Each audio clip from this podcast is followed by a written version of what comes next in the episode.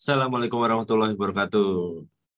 Apa kabar, Mal? Warahmatullahi Baik, Alhamdulillah. Gimana nih? Ada berita apa di minggu ini, Mal?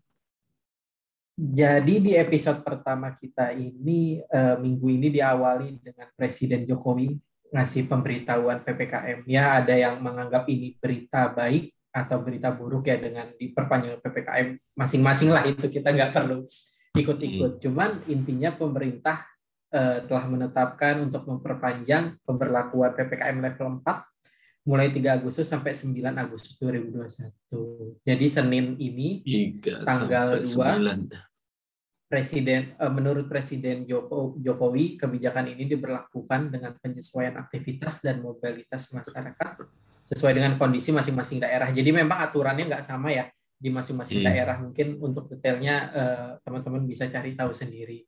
Tapi ada yang eh, banyak juga yang nggak tahu selain cuman ngelarang ada juga kan bantuannya. Mungkin ini penting juga nih untuk diketahui. Jadi ada eh, beberapa bantuan yang diberikan untuk menopang perpanjangan PPKM level 4 ini. Hmm. Yang pertama adalah kartu sembako untuk 18,8 juta KPM. KPM itu kepala penerima manfaat. Eh, Keluarga, kayak- keluarga Ya, penerima. keluarga, sorry, keluarga penerimaan manfaatnya. Jadi per keluarga lah ya yang berhak. Kemudian ada juga kartu sembako PPKM untuk 5,9 juta keluarga KPM us- usulan daerah. Kemudian ada juga eh, perpanjangan bantuan sosial tunai selama dua bulan untuk 10 juta KPM. Kemudian ada juga subsidi kuota internet 5 bulan. 5 bulan itu terhitung dari Agustus sampai Desember 2021 untuk 38,1 juta penerima. Kemudian ada diskon listrik juga selama 3 bulan. Eh, bulan Oktober mulainya sampai bulan Desember untuk 32,6 juta pelanggan. Tiga bulan ya, oke. Tiga bulan, mulainya dari Oktober sampai Desember 2021. Kemudian eh, selanjutnya ada bantuan rekening minimum biaya beban abodemen juga. Ini maksudnya berarti ini ya eh, biaya biaya rekening bank ya Hmm. eh, selama tiga bulan Oktober sampai Desember. Kalau gua nggak salah ya, sorry correct me if I'm wrong. Untuk 1,14 juta pelanggan. Kemudian eh, ada tambahan kartu prakerja. Oh, udah lama nggak denger ya kartu prakerja. Jadi ada bantuan tambahan untuk kartu prakerja sebesar 10 triliun untuk 2,8 juta orang. Dan bantuan subsidi upah 8 triliun untuk 8 juta. Dan yang terakhir bantuan beras 10 kg per kepala untuk 28,8 juta kepala, eh, keluarga penerima manfaat. Kayaknya kalau ngomongin subsidi enteng yang ngomongin triliun-triliun gitu. Padahal kalau urusan lain misalkan kayak cat pesawat presiden 4M aja rame banget ya. Ini nggak nggak terlalu disorot. Gitu sih. Jadi ya buat eh, kita dan teman-teman lain ya harus sabar-sabar lah nambah waktu seminggu lagi minimal di rumah ya. Gua eh, menyambut itu ada ada berita nih mal untuk eh, teman-teman yang di rumah ya termasuk gua. Jadi dari Bloomberg ini eh, sumbernya Netflix akan mengeluarkan eh, offering video games. Jadi Netflix seperti yang kita tahu ya, dia kan eh, biasanya kan cuman film, eh, terus apa sih kayak serial-serial drama Korea, terus kadang ada serial Indonesia juga. Nah, dia mau eh, planning untuk offering video games juga nih. Eh, bentuknya seperti apa itu masih rahasia ya. Jadi menurut berita ini dia baru nge-hire banyak orang dari Facebook dan dari Electronic Arts salah satu perusahaan gaming untuk ngebikin eh, ya tim yang gamenya itu gitu. Gitu Malta. Gue mikirnya gini sih kalau misal di HP ya. Misal lu nonton Netflix di HP ya. Karena gue tahu ada beberapa orang yang nonton Netflix bukan di TV atau di eh, laptop gitu kan, tapi di HP atau di tablet. Kebayang sih. Jadi main gamenya langsung di situ aja gitu kan. Tapi kalau eh, nanti di TV atau di ya, laptop gitu belum kebayang sih nanti main gamenya tuh kayak gimana. Tapi ya menarik nih berita. Jadi em, memutuskan untuk mungkin ada beberapa teman-teman yang memutuskan untuk wah, mulai coba langganan Netflix ah kalau uh, kira-kira ada gamenya gitu. Menarik ya, uh, gue juga penasaran sih. Jadi kalau bisa sampai jadi one stop entertainment gitu, nggak hanya nonton tapi bisa main game, asik juga sih. Karena kan memang seperti yang kita tahu, Netflix mulai agak gonjang-ganjing ya semenjak ada platform uh, nonton lain, khususnya mm -hmm. Disney Plus yang bisa nyaingin Iya, benar. Jumlah subscribernya hanya dalam beberapa tahun bisa sama. Karena bener. kita tahu juga kalau kita biasa apa namanya uh, subscribe uh, platform untuk nonton yang lain paling tahu lah kita Netflix sudah paling mahal kan. Mm-hmm. Tapi ya itu jadi mungkin jadi tantangan dia sendiri ya. Instead of dia nurunin harga, mungkin dia mau nambahin ininya manfaatnya dengan game menarik juga sih. Cuman yang jelas kalau gue disuruh main game pakai remote, wah nggak mungkin sih remote TV. Aduh, mohon maaf. Jadi kita tunggu aja nih apa ada sticknya atau gimana atau hanya khusus untuk HP seperti yang lo bilang kan? Ya bisa jadi, bisa jadi kita tunggu aja. Kita tunggu aja. Kemudian ada berita menarik selanjutnya.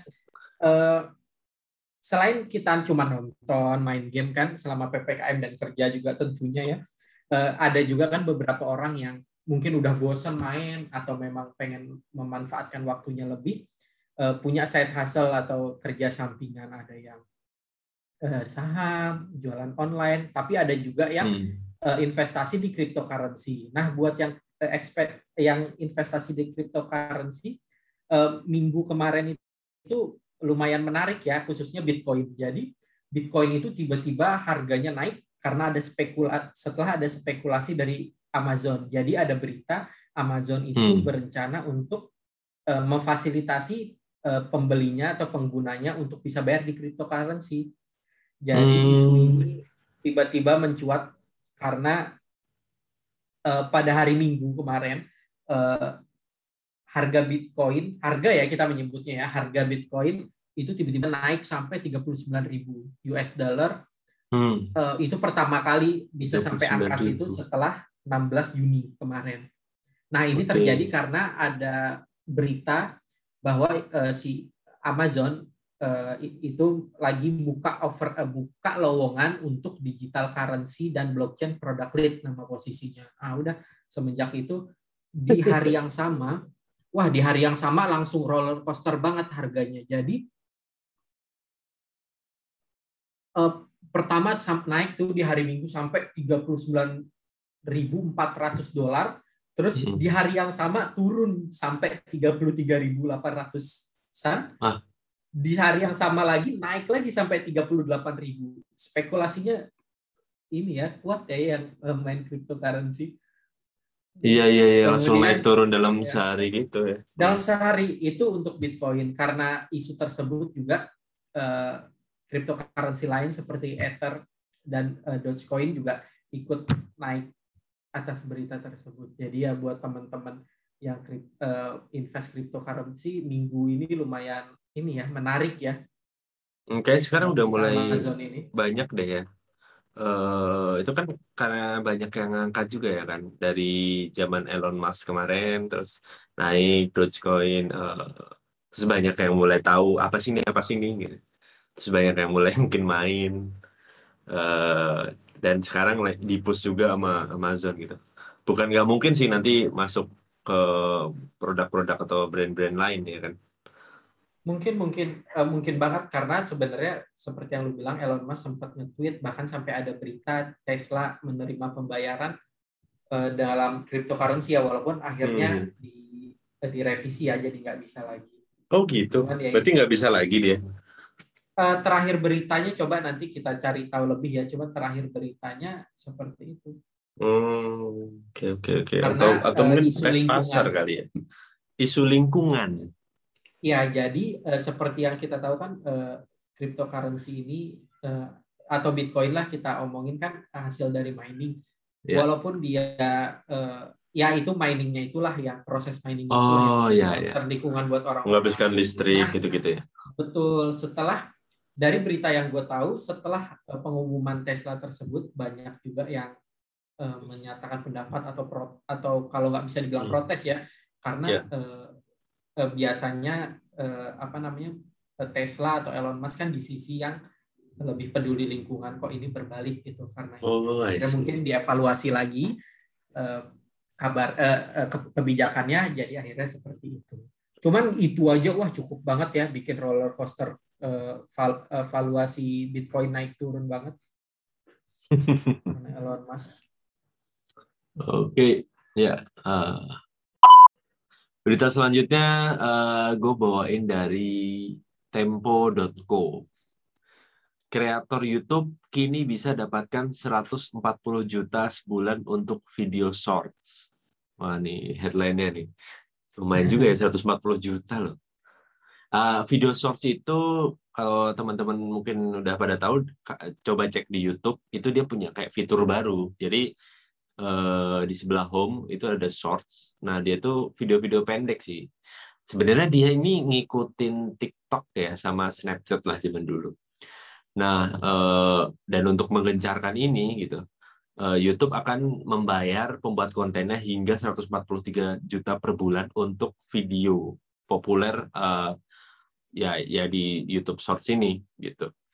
Dan ini jadi nggak pakai ads. Kalau YouTube biasanya kan dia pasang ads ya, advertising gitu kan di video kita yang panjang Betul, ada betul. ads. Nah ini enggak. Jadi dia ini nggak nggak lewat ads tapi dari YouTube-nya sendiri gitu. Ada namanya Shorts Fund. Dia memang Gimana menyediakan menyediakan dana dari situ. Nah eh, untuk menentukan siapa yang akan dibayar gitu, itu dari eh, jumlah ininya kayak apa ya impression lah ya bahasanya ya. Kayak eh, seberapa banyak yang nonton seberapa banyak yang eh, like eh, komen engagement yang terjadi kayak gitu sih. Jadi popularitas eh, ini eh, ter- tergantung sama popularitas kalau mau dibayar gitu. Hitung-hitungannya belum ngeluarin sih si YouTube-nya. Nah menariknya nah ini yang bikin relevan eh tulisannya di sini program ini akan diluncurkan di beberapa negara untuk pembuat konten di beberapa negara yaitu di Amerika Serikat, Brazil, India, Indonesia, Jepang, Meksiko, Nigeria, Rusia, Afrika Selatan dan Inggris Raya. Jadi Indonesia masuk nih. Satu-satunya negara di Southeast Asia eh, di Asia Tenggara yang masuk Indonesia gitu. Eh, jadi ini menarik banget sih. Mungkin ketahuan kali ya jumlah eh, konten kreator di sini sama penontonnya tuh dan juga yang komen tentunya itu banyak banget gitu. Wah, menarik tuh bisa jadi salah satu pilihan ya untuk nambah-nambah pemasukan. Harus cepat-cepat gabung tuh sebelum Atta Halilintar masuk kalah kita langsung. Tapi tam minggu ini nggak akan lengkap ngebahas kalau nggak kalau kita nggak ngebahas Olimpiade. Wah, seneng Oh. banget ya eh, kita nonton Olimpiade. Akhirnya eh, ganda putri eh, badminton Ya. Indonesia bisa eh, tembus dari kutukan perempat final akhirnya Hmm. bahkan bisa sampai Oh, emas. ada ya kutukan perempat final. Bahasa gua doang sih itu ini kan terakhir paling tinggi di situ terus kita Hmm. juga eh, apa ya kasarannya eh, banyak yang bilang ya tidak se apa ya prestasinya tidak eh, se oke yang putra tapi Ya, ya. akhirnya bisa dipatahkan oleh pasangan Itu ya. Grecia Poli Hmm. dan jadi mungkin kita ucapkan dulu eh, selamat untuk Ya. pasangan Apriani dan Grecia untuk emas pertamanya buat Indonesia. Jadi totalnya Indonesia itu mendapatkan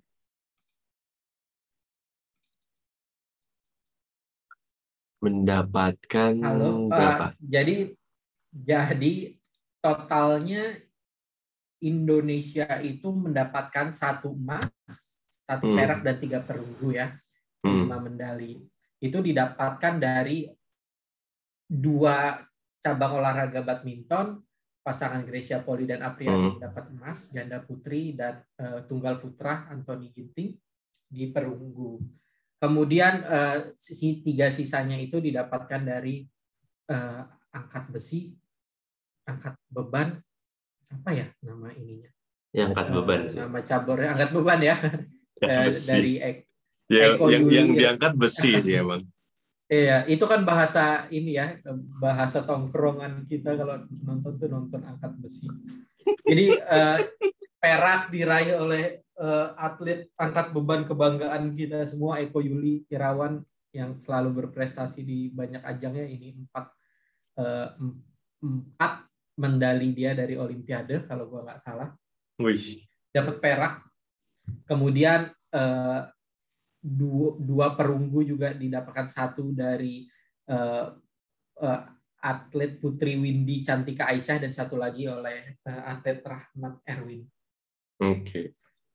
Cuman yang Nah. menarik adalah, oke mungkin udah ba- banyak kali yang bahas eh, tentang prestasi, eh, terus Mhm. mulai banyak tuh bermunculan kan cerita-cerita motivasi eh, eh, sebelum sukses, perjalanan dan lain-lain lah. Bener. Itu biasa. Khas Indonesia lah. Khas Indonesia lah yang sebelumnya nggak pernah kedengeran tapi begitu sukses mulailah ada cerita eh, Apriani eh, datang ke coach hanya membawa satu raket dan 200 ribu Ih. dengan niatnya ingin menjuara dunia seperti itulah banyak lah Kayak di yang sebenarnya komik-komik. kita nggak pernah dengar kayak di komik-komik padahal udah jadi atlet dari dulu kok ceritanya baru keluar Oke, tapi di la- selain itu ada yang menariknya menjadi sorotan. Eh, apa ya istilahnya? Eh, bonus-bonus yang didapat atlet ini wah banget, bahkan dibanding negara-negara lain. Ya, ya, ya, ya, ya. Apa aja nih, Mal? Nah, jadi misalkan wah jujur ya, jadi kita bisa bagilah didapat dari pemerintah dan tidak dari pemerintah. Jujur gue sampai lost track waktu ngumpulin dapat apa aja. Misalkan kita Karena dibantu nambah terus ya, sama nambah terus ya, Mal. nambah terus sampai sekarang nggak berhenti karena eh, mungkin banyak juga yang eh, ikut senang terus eh, iya, iya. apa namanya ingin membuat juga atletnya senang khususnya brand-brand lokal ya. Jadi akhirnya ikut support atletnya. Semuanya termasuk ada beberapa brand yang juga ikut support pelatihnya. Bagus. Wow. dan gue udah nggak tahu sampai sekarang berapa banyak cuman minimal itu yang gue tahu ada 46 46 43 sorry 43 hadiah iya. Nah ini gue lihat di gue juga udah ngelis udah banyak banget. Eh. Eh, tapi dibantu oleh eh, pemilik akun Ovaltine X. Jadi dia buat trade ada 43 eh, poin hadiah. Mulai dari yang pertama dari pemerintah memang sudah dijanjikan Kemenpora ya sebelum berangkat. Jadi Kemenpora itu menjanjikan eh, hadiah eh, uang tunai rupiah Ya. mudah-mudahan cepat cair jadi untuk eh, untuk peraih emas jadi detailnya untuk emas ada 5 miliar masing-masing Hmm. atlet ya jadi kalau untuk eh, pasangan ganda putri misalkan eh, 10 miliar. dan Gracia Polio jadi 10 miliar Hmm. kemudian 2 miliar untuk medali perak dan satu miliar untuk medali perunggu itu baru dari Kemenpora Oke. belum lagi dari Me- Kementerian Pariwisata jadi ada dapat fasilitas untuk berkunjung ke lima destinasi super prioritas. Oke, Belum lagi destinasi dari super prioritas. Super prioritas belum lagi ada eh, dari pemerintah daerah juga misalkan ada tanah, rumah dan lima ekor sapi dari Bupati Konawe untuk Apriani. Eh sorry kalau gue salah bacanya ya Konawe. Sulawesi Tenggara. Kemudian Sulawesi Tenggara. Kemudian Grecia juga dapat dari dari wali kota Tomohon sepetak tanah. Itu Oke. baru dari pemerintah, belum lagi dari wah yang lokal-lokal banyak banget. Nih gue baca nih ada kopi gratis seumur hidup dari filosofi kopi. Kopi gratis mal seumur hidup. Lu lu udah nggak perlu mikir gitu. bisa tuh. Lu lu nggak perlu mikir lagi gitu ya kan kalau mau ngopi apa. Iya. Eh terus eh, ini walaupun kita nggak tahu ya atlet ngopi nggak ya? Atau Betul dia ya. berdua suka ngopi nggak ya? Terus yang menarik lagi gue baca ini ada ini.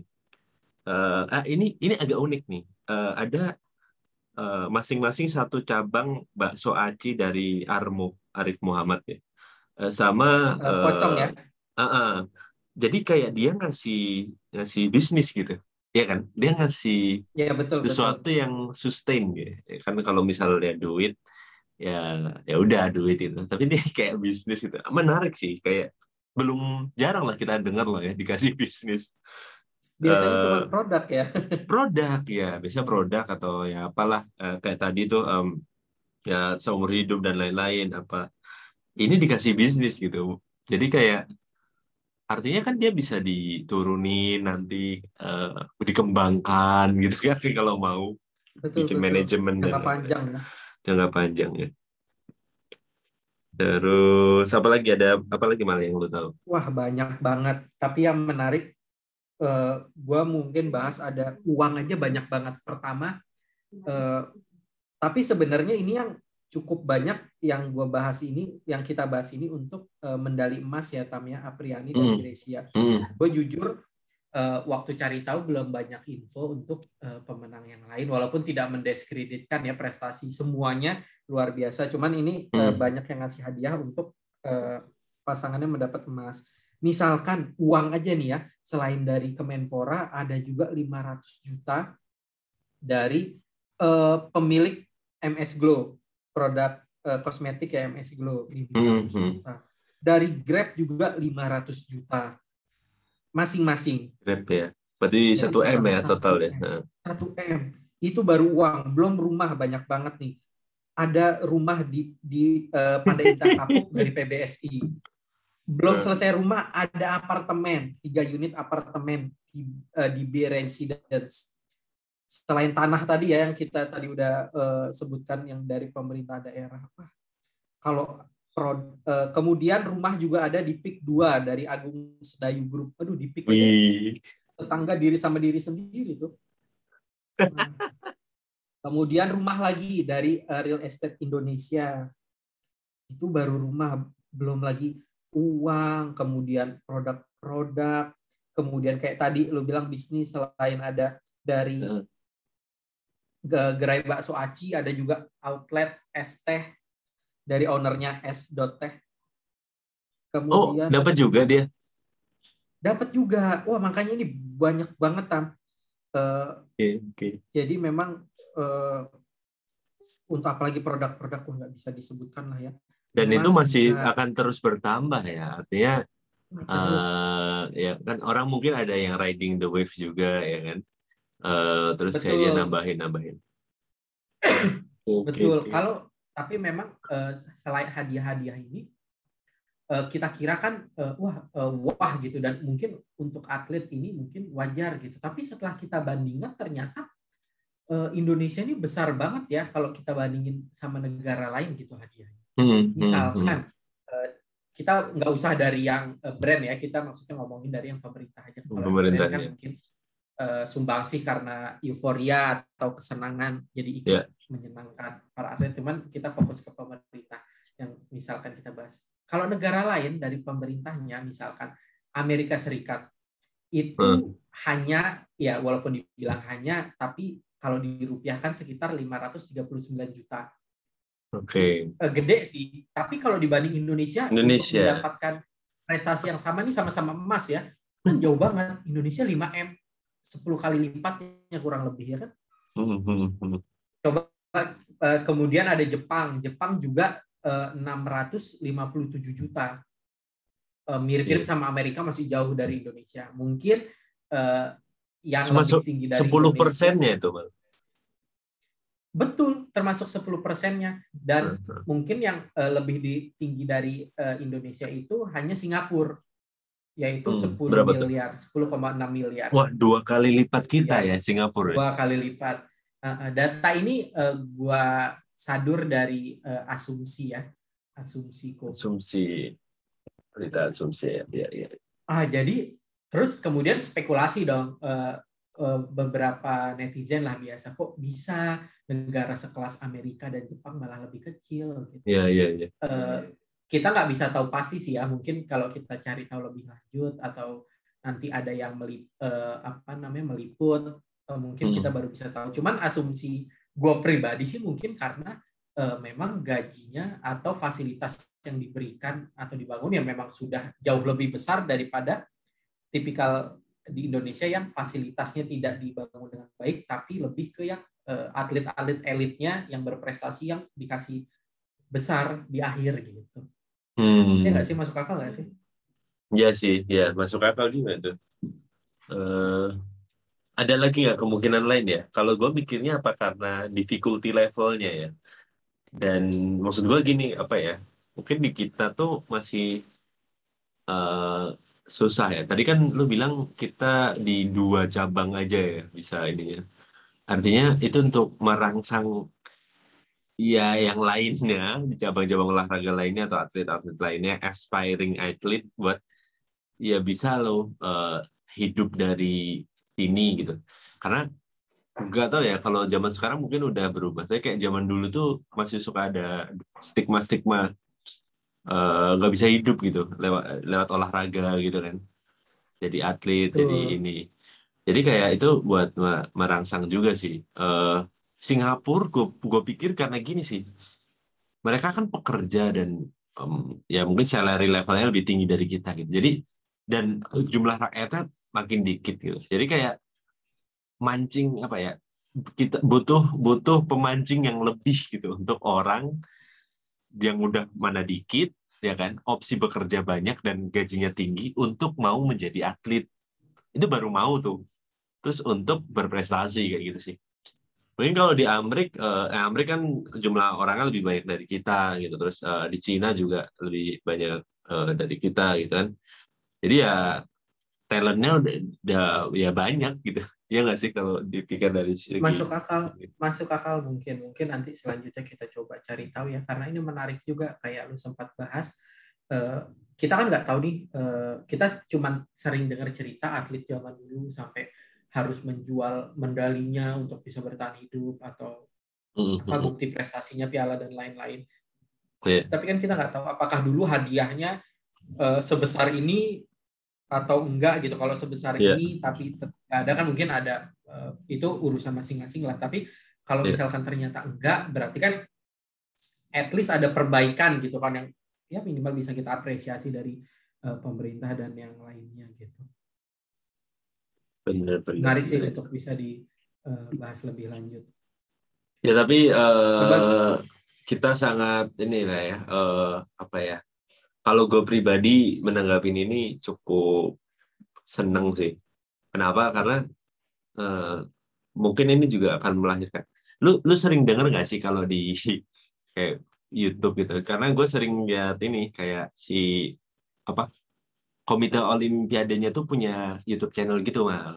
Nah, terus tuh dia suka hmm. wawancarain arti eh, eh, artis lagi atlet. Bahkan dia punya kayak series legend sama dia. Pokoknya recordnya ini. Nah, banyak dari mereka tuh terinspirasi dari olimpiade-olimpiade sebelum-sebelumnya gitu malah. Jadi adalah satu orang uh, yang dia tuh berprestasi gitu karena nonton uh, olahraga itu di olimpiade ketika masih kecil kayak gitu-gitu tuh. Uh, ya dengan adanya kayak gini kan at least generasi-generasi yang sekarang tuh ada yang terpacu nih untuk uh, jadi atlet terus jadi berprestasi kayak gitu sih. Gue ngelihatnya ya. Uh, apalagi ngelihat kayak hadiahnya dan lain-lain sehingga mereka ada opsi lain gitu. Kayak selain bekerja berusaha jadi pengusaha atau jadi content creator. Salah satunya jadi betul betul betul gue juga uh, setuju sih mungkin kalau alasannya untuk memotivasi ini akan berhasil sekali sih karena ujung-ujungnya kan atlet itu profesi ya dan semua profesi itu kan tujuan utamanya uh, selain untuk aktualisasi diri, terus untuk prestasi, tapi kan juga untuk menghidupi ya. Jadi hmm. semakin besar apa ya hasil secara finansialnya akan semakin banyak harusnya orang yang termotivasi ya. Tapi yeah. uh, untuk menutup mungkin uh, gua juga sama mungkin dengan pendapat kebanyakan netizen di luar sana. Uh, uh, usaha baik ini khususnya untuk oleh pemerintah yang memberi hadiah yang sedemikian sedemikian besar nggak berhenti hanya di eh, atlet-atlet elit yang berprestasi semoga juga dana-dana sebesar ini bisa juga dialokasikan untuk diproses jadi nggak cuma di hasil jadi dari fasilitas hmm, hmm, khususnya hmm. gaji kan kita juga nggak bisa dong eh, maksudnya prestasi itu kan banyak faktor ya bukan hanya atletnya yang berjuang dan lain-lain tapi banyak faktor lah kasihan juga yang eh, atlet-atlet yang tidak berjuang tapi tidak bisa mendapat eh, kehidupan yang layak gitu. Ya memang Iya, iya. terlalu idealis lah, terlalu menuntut banyak mungkin. Eh, Tapi kan eh, namanya proses mudah-mudahan nggak berhenti di sini. Sebenarnya gitu sih. Iya, iya. Hmm. Gue malah ada pertanyaan lain sih. Mungkin ini kita lempar ya ke pendengar kita eh, untuk jadi bahan pikiran. Eh, misalnya gue anak kecil ya, terus ya gue suka olahraga. Gue suka olahraga semua olahraga. Tapi sebenarnya menentukan chance untuk karena kita kan main chance ya, odds ya. Untuk menentukan chance kita bisa berprestasi di situ tuh apa ya? Misalnya gini, Indonesia tuh kan terkenal ya kayak kata lo di Olimpiade ini ada dua yang berprestasi kan. Nah, walaupun kita ikut juga di beberapa olahraga lain. Nah, dua ini adalah bulu tangkis dan angkat beban itu. Kenapa bulu tangkis dan angkat beban gitu? Apa yang menyebabkan mereka bisa lebih berprestasi dari yang lainnya? Sehingga itu kan jadi decision gue ya ketika memilih gitu kan. Misalnya gue eh, diarahkan oleh orang tua gitu. Kok kecil diarahkan oleh orang tua, nah milih cabang olahraga apa nih yang chance-nya tuh gede gitu untuk lo bisa menjadi yang terbaik di situ. Gitu. Menarik, menarik. Boleh ya mungkin eh, kita eh, diskusi atau dengar pendapatnya kira-kira gimana mungkin di Instagram aja kali ya karena kan Hmm. kalau di Spotify tidak dan di eh, apa aplikasi untuk mendengar podcast lain tidak memungkinkan untuk Hmm. Mungkin kita kita bisa komen di Instagram ya.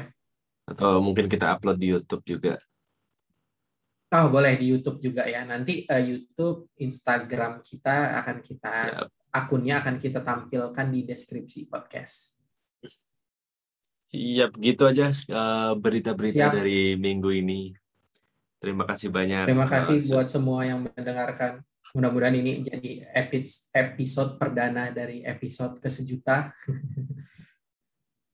Yoi, sampai ketemu minggu depan dengan berita-berita lainnya. Bye.